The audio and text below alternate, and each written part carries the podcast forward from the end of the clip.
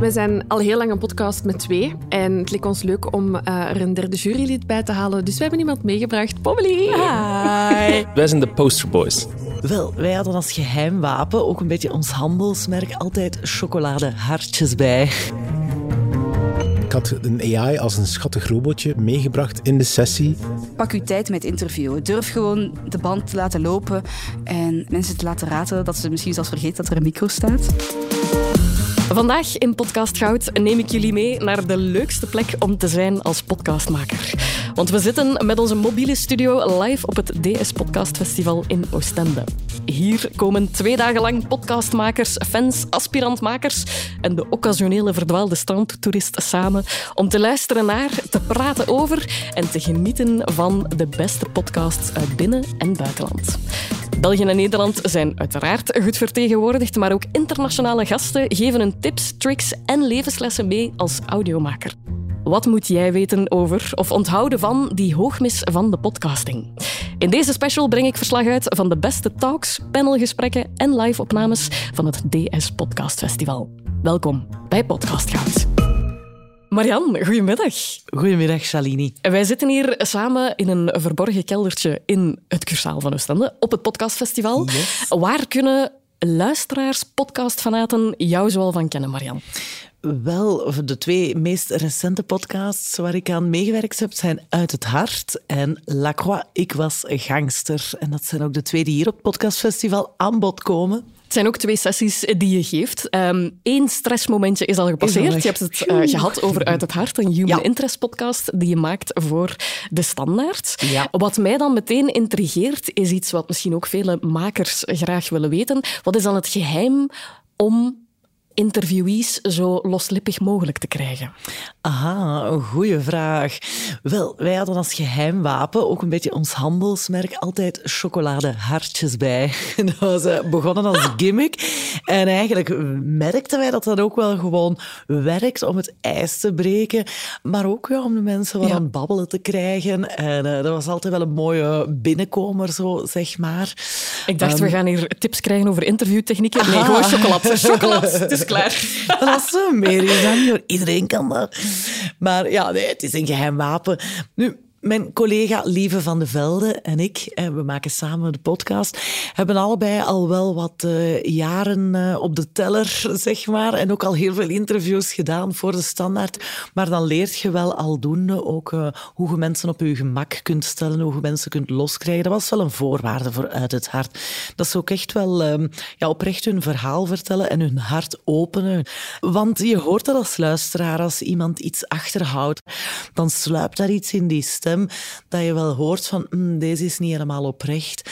Wij gaven hen ook de belofte dat zij voor de uitzending ook echt de premontage volledig te horen konden krijgen en dat zij de regie behielden. Dus als ze zich dan niet eh, oké voelden bij een bepaalde passage of ja, ze vonden iets eh, wat uit zijn context gerukt, dat we daar dan ook echt mee rekening in gingen houden. En we hebben dat ook gedaan. We hebben eigenlijk nauwelijks eh, commentaar gehad, omdat wij allebei ook wel vertrokken. Kijk, dit is het verhaal van de mens. Dat is niet goed, niet fout. En dat is gewoon al mooi dat ze dat delen met ons. Dus er lag ook geen oordeel in. En eh, ze voelden dat wel van... Ja, we kunnen dat hier best wel vertellen. En soms werkt dat ook echt een beetje helend. Hè? Zo uw verhaal een keer kunnen vertellen. Zelfs al is het tegen een micro. of taboe doorbrekend. Zo. En dat beseffen mensen ook wel. Dat ze soms door iets te vertellen, anderen daarmee helpen.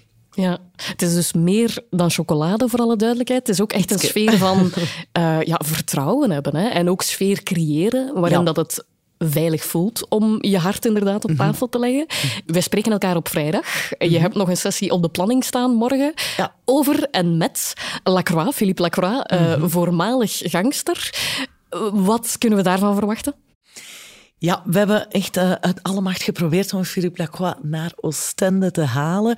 Dat is niet helemaal gelukt, hij kan er niet fysiek bij zijn, maar we gaan wel met hem eh, live ja, videobellen eigenlijk. Hè. Dus het is wel degelijk eh, zo dat de kijkers en luisteraars hun vragen kunnen stellen aan Philippe Lacroix. En wij merken aan de ongelooflijke hoeveelheid mails die we krijgen, waar mensen echt veel vragen hebben. Ze zijn gefascineerd door de figuur van Philippe Lacroix. En je zou voor minder, hè, wij ook, hè, anders maken er geen podcast over, maar het blijft heel uitzonderlijk. Zo'n verhaal van iemand die uh, veroordeeld is tot de doodstraf, die doden op zijn geweten heeft, dat hij zich zo herpakt en um, eigenlijk nu een heel ander leven leidt. Zo, uh, we vertellen ook nog wel wat uh, over de making-of en zo. En uh, de vraag hoe we het evenwicht bewaard hebben. Ook weer zo dat journalistieke, de aanpak, enige afstand en nu niet te veel laten meeslepen. Of nog erger, hem op een voetstuk plaatsen en verheerlijken en heel dat verhaal beginnen romantiseren. Dat vinden mensen ook heel belangrijk, zo, dat we daar toch wel degelijk over nagedacht hebben. En hoe?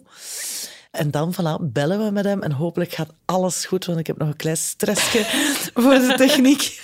maar ik ben al gaan kijken in de grote zaal en... Uh, technici hebben mij ja, toch beloofd dat alles dik in orde komt. Ik heb er vertrouwen in. En voor mensen die ook nog meer willen weten over de reeks die jullie hebben gemaakt, er is al een aflevering van Podcast Goud gewijd aan Philippe Lacroix, dus ik verwijs ja. mensen heel graag door ja, naar daar absoluut. als ze daar meer over Super willen interessant weten. gesprek. Goeie vragen van u, Charlene. Ah, dank u, dank u. Merci Marianne om langs te komen. Graag gedaan.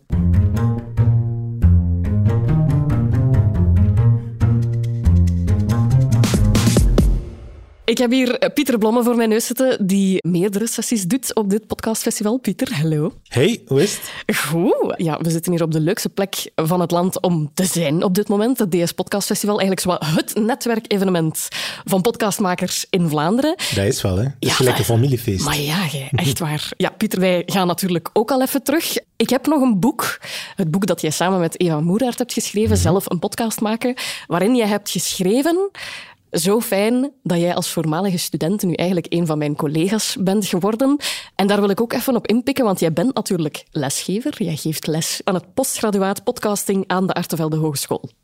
Jij ziet heel veel mensen hier waarschijnlijk terugkomen. Hè? Voormalige studenten die opgroeien, floreren tot mooie makers. Hoe voelt dat? Dat is ongelooflijk. Ik voel mij een, echt een oude man als ik hier binnenloop en dan zo vier of vijf generaties studenten hè, zie Ja. rondlopen. En ook zie dat alle sessies vol zitten met ex-studenten die nu op het podium staan. En dan denk je van, ja, ik kan nu al met pensioen gaan, maar het is te vroeg. Ik kan Je bent nog niet klaar, hè? Ah, nee, Je ja, bent nog ben niet klaar. amper 40. Maar ja, Mag en nog ook niet met pensioen. toch ook nog niet klaar met het delen van wijsheid. Als je nu, je geeft nog les, wat is zo de belangrijkste boodschap die je wilt meegeven? Wel, ik heb hier vandaag een sessie over AI gegeven. Hè. En ik kan me inbeelden dat dat nu zo'n donkere wolk is die boven makers hangt. Van ja, maar heeft dat eigenlijk überhaupt nog wel zin om als nieuwe maker eraan te beginnen als al hetgeen dat kan eh, vervangen wordt door machines? En wel, kijk, ik denk dat er echt wel hoop is. Ik heb vanmorgen een sessie gegeven met, denk ik, 250 mensen. En we hebben collectief samen beslist dat we wel met die AI gaan samenwerken en samen gaan leven. Maar dat we vooral zelf creatief gaan zijn en... eh, andere dingen gaan doen die even leuk zijn. Dus absoluut blijven verder audio studeren en ehm, ja, alle dingen doen die leuk zijn aan Ja. het audio maken. Oké, maar het is wel hoopgevend. We gaan dat met AI doen, in plaats van dat AI dat allemaal van ons gaat overnemen. Je hebt het proces gevoerd, in positieve zin voor makers. Ja. Zijn er daar ook nog tips en tricks of tools uitgekomen die je graag wil delen? Ik ben zelf geen specialist in AI, dus ik heb gevraagd aan een hele hoop makers, deel mij hoe dat jullie met AI omgaan. Dat was voor mij een, een, een wereld die openging. Ik vond het fantastisch. En ik dacht vooral dat er wat bezorgdheden waren, dat mensen daar wat onwetend of afstandelijk naartoe keken. Maar dat blijkt eigenlijk dat iedereen toch wel beseft dat we daarmee gaan moeten samenwerken. Ik had een AI als een schattig robotje meegebracht in de sessie, als een robotpinata van ongeveer 50 centimeter hoog of zo. Die Je was al bereid om die helemaal af te slachten, maar Ik dacht, ja, ik dacht, dat gaat wijs worden. We gaan die gewoon op het einde allemaal met een stok in elkaar slaan en er gaan snoepjes uitkomen en er gaat feest zijn. Maar wat blijkt, de mensen in de zaal, en dat waren er 250, die zien het wel zitten om in de komende 10, 15 jaar eh, met die AI mee op pad te gaan. En het heeft wel iets, zo het idee van een robotje mee te pakken op je pad als podcastmaker. En een robotje, ja, het is natuurlijk wel wat cliché, maar eigenlijk gaat het gewoon om een assistent die naast jou staat, die je meehelpt om jou betere ideeën te geven, die meehelpt monteren, die meehelpt verspreiden. Ja, eerlijk gezegd, ik ben daar niet eh, vies van. Als je zo één tool eruit moet pikken waarvan je denkt, ah wel, daar ben ik nu echt van omvergeblazen. Welke zouden we allemaal moeten proberen? De tool waar ik meest van al overweldigd was, was Eleven Labs. En dat is een tool die een stukje van je stem neemt. Je spreekt een stuk in of je uploadt een stuk. En die maakte er dan een synthetische versie van. En ik dacht, oké, dat klinkt als een robotje en ik heb zo wel wat dingen gehoord. Maar uh, ik hoorde Alexander Lippenveld van uh, Mediahuis, die zei van, ja, ik kan nu een stukje laten horen en oh, we moeten niet op letten, dat is echt gewoon uh, nog wat stuntelig en ja, dat trekt op niks. En dan liet hij dat stuk horen en iedereen in de zaal dacht van, ja, maar dit is gewoon Alexander Lippenveld. Alleen Alexander Lippenveld hoort dat niet of zo. En dat was voor mij een eye-opener van ja, maar oké, als maker zelf denk je van oké, ik kan niet vervangen worden door een robot. Een beetje iedereen... ontnuchterend ook wel, hè? Of Natuurlijk, dat was beangstigend. Ja. Ik maak zelf de Relaas-podcast. Ik heb ondertussen een Word-document staan met alle inleidingen die ik ooit geschreven heb. Dus als jij ooit de griep hebt, dan smijt je gewoon al jouw intro's in Eleven Labs en dan zijn we klaar. Ja, of als ik ooit geld verdien, dan kan ik gewoon zeggen, uh, maak mij 20 inleidingen en stuur mij een factuur van 4000 euro. maar zover zijn we voorlopig nog niet. Dankjewel, Pieter.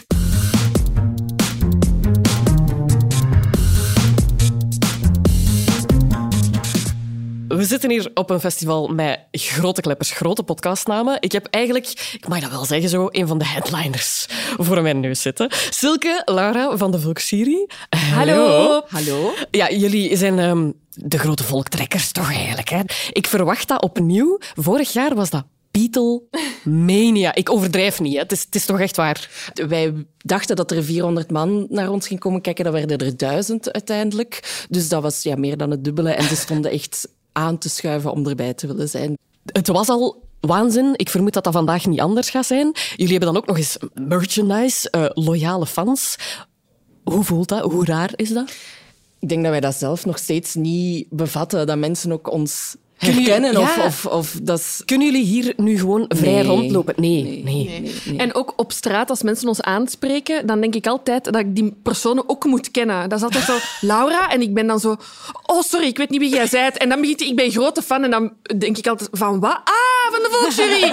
dus ik, ik registreer het zelf ook niet. Jij hebt dat ook, hè, dat mensen nu in eerste instantie aanspreken en je denkt, die willen, ik weet niet weten hoe laat dat is, of de, weg, de weg vragen, maar het is dan voor de podcast. Is dat nog altijd dat betert niet. Je zou toch denken dat x aantal jaar... Maar ik denk ook, in tegenstelling tot Pommelien, die heel veel optredens doet en echt heel vaak in aanraking komt met yeah. fans, denk ik. Wij zitten gewoon in ons studio ook uh, Andere medium helemaal, op te nemen. En ja, we zijn nu het afgelopen jaar wel eens naar buiten gekomen met onze liveshows, maar dat is ook de enige, zijn de enige keren. Dus wij komen minder in aanraking met onze fans of luisteraars. Dus vanaf het moment dat die dan ons in het wild aanspreken... is dat wel zo van, ah ja, maar die zijn er en die zijn ook met zoveel. Of, Ik bedoel, ik ben zelfs in New York aangesproken geweest en dat vind ik zo...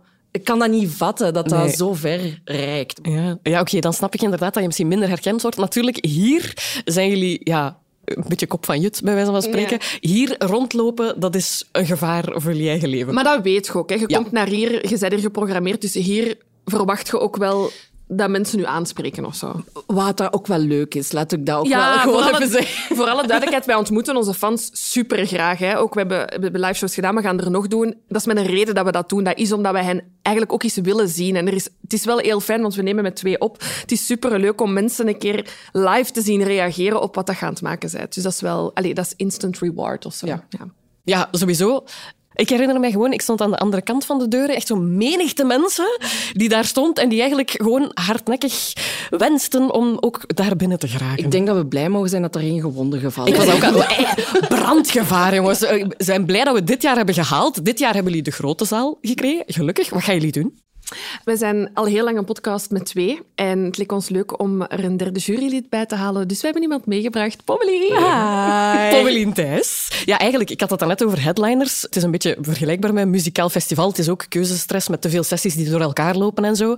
En dan heb je natuurlijk inderdaad eigenlijk ook een muzikale gast nodig. Heb je enige podcastervaring, Pommelien? Ik heb geen professionele podcastervaring. Ik moet zeggen, ik ben altijd een grote audioboek van en podcast van geweest. Dus vroeger nam ik ook echt met mijn vriendinnetjes zo wij namen echt podcasts op samen. Oh, in een ander leven ben ik absoluut een podcaster. Omdat ik, ik, vond dat, ik, heb, ik heb als kind ook heel veel dubbing gedaan en heel veel uh, animatiereeksen gesproken en dat soort zaken.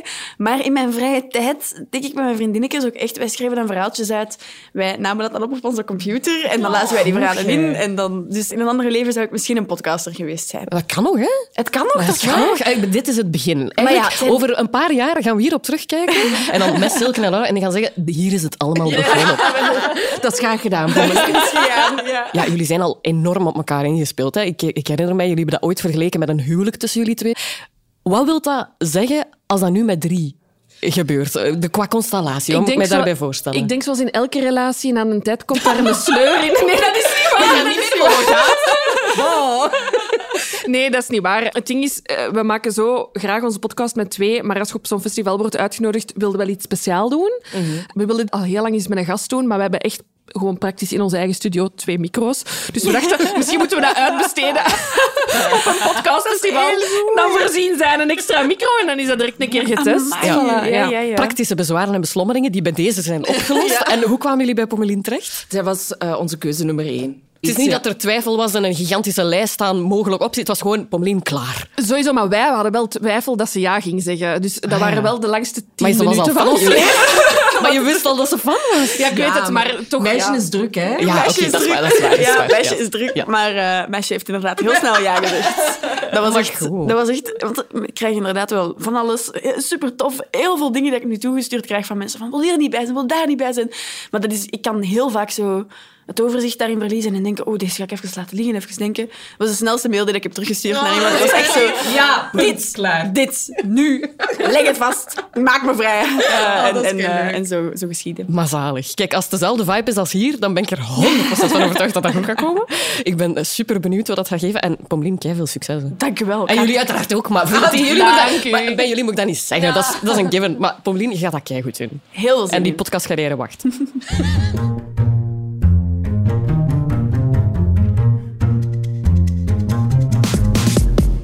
Voor mijn neus de kerstverse winnaar van de oorkonde in de categorie Story. Lucas de Rijke, die ja, de kunst van het verdwijnen heeft gemaakt, samen met Bart van Uffelen. En Proficiat. nog een hoop leuke mensen, maar inderdaad, wij, Ja, wij zijn de posterboys. de Poster Boys. De Poster Boys die dus inderdaad gisteren glansrijk op het podium stonden met die blauwe oorkonde in de handen. Wat doet dat met jou? Dat is vooral leuk omdat ik hoorde dat, er, dat mensen blij waren dat we gewonnen hadden. en was dat er, zo, er was zo warmte. Ik voelde warmte vanuit de zaal en dat is wel fijn of zo. Ja. Wel tof dat mensen dat geapprecieerd hebben. En zo. Dat dat niet alleen luisteraars, maar ook zo makers geraakt heeft of dat die dat tof vonden. Absoluut. Je hebt ook een sessie gebracht samen met Bart van Uffelen Ja. over jullie maakproces. Ongelooflijk leuk om naar te kijken. Er is heel veel over te vertellen, hè, over dat maakproces. Is dat leuk om dat uit de doek te doen? Dat is plezant, omdat je dan soms achteraf denkt dat het heel logisch was. En als je dat dan demonteert, dan denk je, ah ja, we hebben ook allemaal keuzes gemaakt die nergens toe leiden. Als ik dan nu naar luister naar die podcast, dan denk ik, ah ja, dat is de enige manier waarop dat je dat kunt maken. Maar dat, ja, daar gaan natuurlijk allemaal versies aan vooraf die, die echt brak zijn. Ja. Allee, ja, dat is gewoon zo. Ja, ja, ja. Je, reconstrueert eigenlijk en je denkt van, het heeft zo moeten zijn, maar dan zie je ook dat er eigenlijk heel veel trial and error aan Ja, ja. vooraf is gegaan. Hè. Is dat eigenlijk ook een advies dat je zou meegeven richting aspirantmakers of andere makers van, ja, maar ga maar eens goed op je bek, dat is nodig? Ja, ik denk dat dat is zo wat dat Ira Glass, de man van This American Life, die heeft zo'n inspirational YouTube-video waarin dat hij het dan heeft over closing the gap tussen wat dat je zelf maakt en wat dat je goed vindt. En je probeert die afstand te verkleinen. En je komt er eigenlijk nooit. Er zijn altijd dingen dat je denkt van, oh, dat is heel straf gedaan. En je blijft zo zoeken. Dat, daarom is het leuk werk of zo. En ook nog altijd het gevoel van, ah ja, shit, ja, soms doe je ook gewoon dingen die wel heel leuk waren om te maken, maar dat je voelt van, ah, dat is zo, het is niet helemaal raak geschoten. Ja. En er zit ook plezier in als dat verkeerd geschoten is of zo. Ik heb zelf een sessie gegeven over creatief stelen, waarin ik letterlijk gezegd heb van, ja, zonder luisterwerk en huiswerk maken vooraf kan je nooit een goede maker worden. Dus dat hoor ik daar eigenlijk ook wel in. Ik lees meer dan ik luister, en, maar ik lees ook wel nerdy literatuur over klank en over makers en over processen. Dus ik vind dat wel interessant. Ja. Mijn lief zegt dan van, ah, jij leest eigenlijk nooit iets voor de lol, maar ik vind dat wel lollig, maar dat zijn dan boeken met nerdy titels over zo... Ja, over het maken van klank en over het, stilte en over van alles. Ja. Ja, compleet beroepsmisvormd. Dat is supergoed. ja, nee, gewoon zo dat plezant vinden. Ja, ja. ja, tuurlijk, tuurlijk. U daarin willen smijten en Ja. verdiepen. Hè. Je hebt er nog een andere sessie gegeven ook. Eh, cijfers en kleine letters. Eigenlijk een soort van pleidooi. Een wie is, wat weet je over, over het klankverbond. Voor mensen die dat niet weten, kan je dat eens kort uitleggen? Het Klankverbond is de vakvereniging voor Vlaamse audiomakers. Gevestigd in Vlaanderen of Brussel. Iedereen die in Vlaanderen en Brussel woont en van audio houdt, kan lid worden. Enerzijds is dat een soort lerend netwerk van mensen die elkaar ontmoeten omdat er evenementen zijn. Anderzijds is dat ook eigenlijk een, een lobbygroep. En wij gaan langs bij politieke partijen, commissies media, het FAF, Sabam, de auteurs, Literatuur Vlaanderen. We gaan langs bij al die partners en kijken daarvan, wacht, wacht, wacht, wat gebeurt hier? Wat kan hier veranderen? En proberen dan als één stem vanuit de sector Ja. te spreken. Dat is Een soort van doen. auditieve vakbond. Een vakbond is dat eigenlijk, ja. Wat ook wel nog belangrijk is bij het Klankverbond, is dat dat vooral over wat we dan narratief werk noemen. Dus zo verhalend, maar wel zo... Wij doen niet zo heel veel met talkcasts of zo. Of dat ons lobbywerk, je hebt er weinig belang bij. Er kan nu veel meer dan vijf jaar geleden. Allee, voor auteurswerk is er heel veel veranderd in de afgelopen twee jaar. Oké. We zijn positief, denk ik, hè, in het algemeen over het podcastlandschap, waar dat er hopelijk geld te rapen valt voor... Ja, er is altijd te weinig. Hè. En, maar, nee, maar, nee, Altijd te dat, weinig. maar nee, dat is zo. Dat, ja, dus, eh, niet iedereen die vraagt, krijgt. Mm. En ik heb ook al ingediend bij het FAF en niet gekregen. En dan dient je opnieuw in. En dan, allee, dus, ja, en dan is dat kut als je niet krijgt. En dan probeert je opnieuw. Maar er is wel zo'n plek. Ja. Lucas Drijken, dankjewel. Met veel plezier.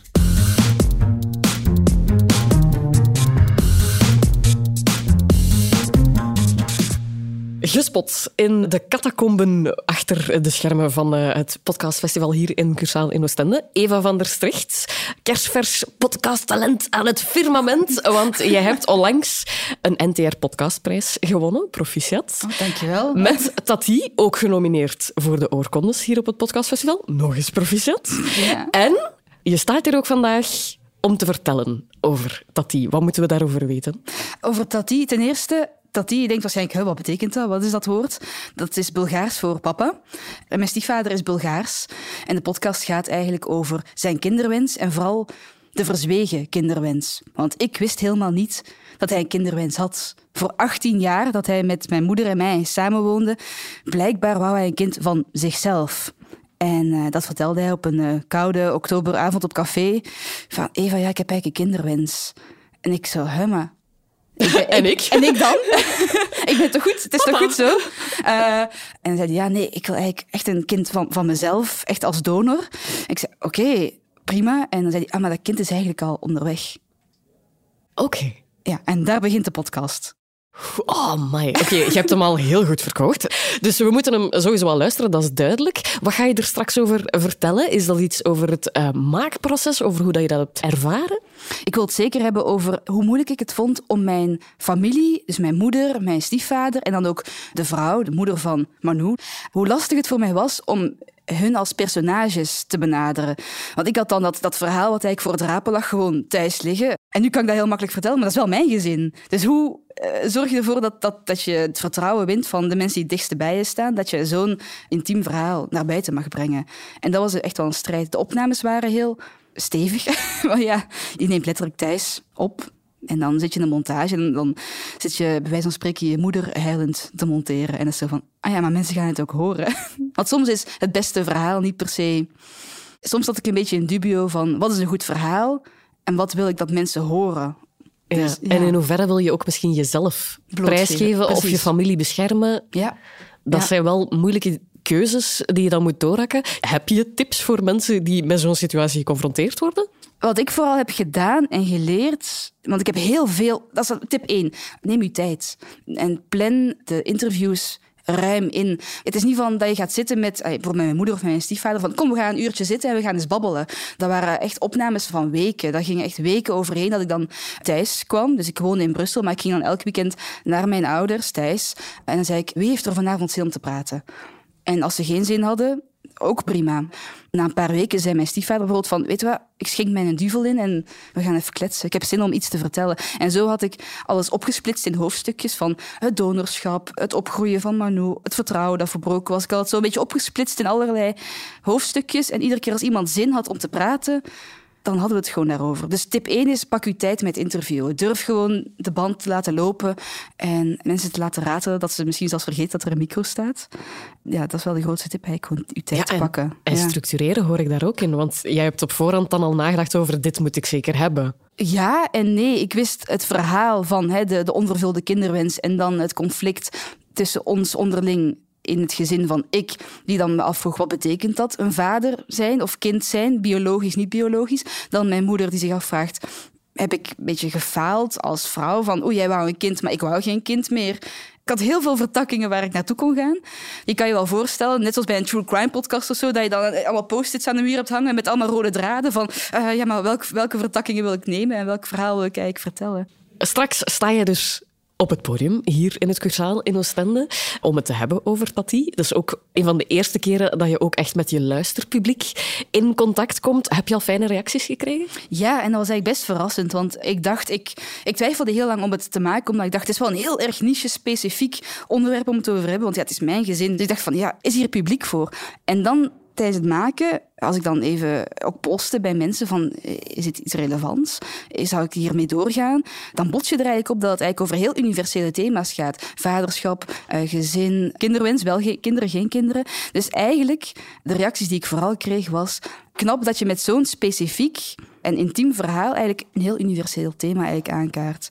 En dat zijn de schoonste reacties die ik eigenlijk heb gekregen. Ik onthoud gewoon, we moeten hem allemaal gaan luisteren. Tati dus, Eva van der Stricht, ongelooflijk veel succes straks. Heel veel plezier. En ongelooflijk merci om even langs te komen in Podcast Goud. Graag gedaan. Dit was Podcast Goud voor deze maand. Je kan de oorkondes en het podcastfestival volgen op social media, at DS Podcast Festival en at de oorkondes. Als je op het internet zit te neuzen, abonneer je dan ook meteen op deze podcast. Of nog beter, raad Podcast Goud aan bij al je andere podcastverslaafde vrienden. Meer tips vind je ook via de Instagram-pagina van Uitgesproken, at uitgesproken underscore. Heel graag tot daar of tot een volgende aflevering van Podcast Goud.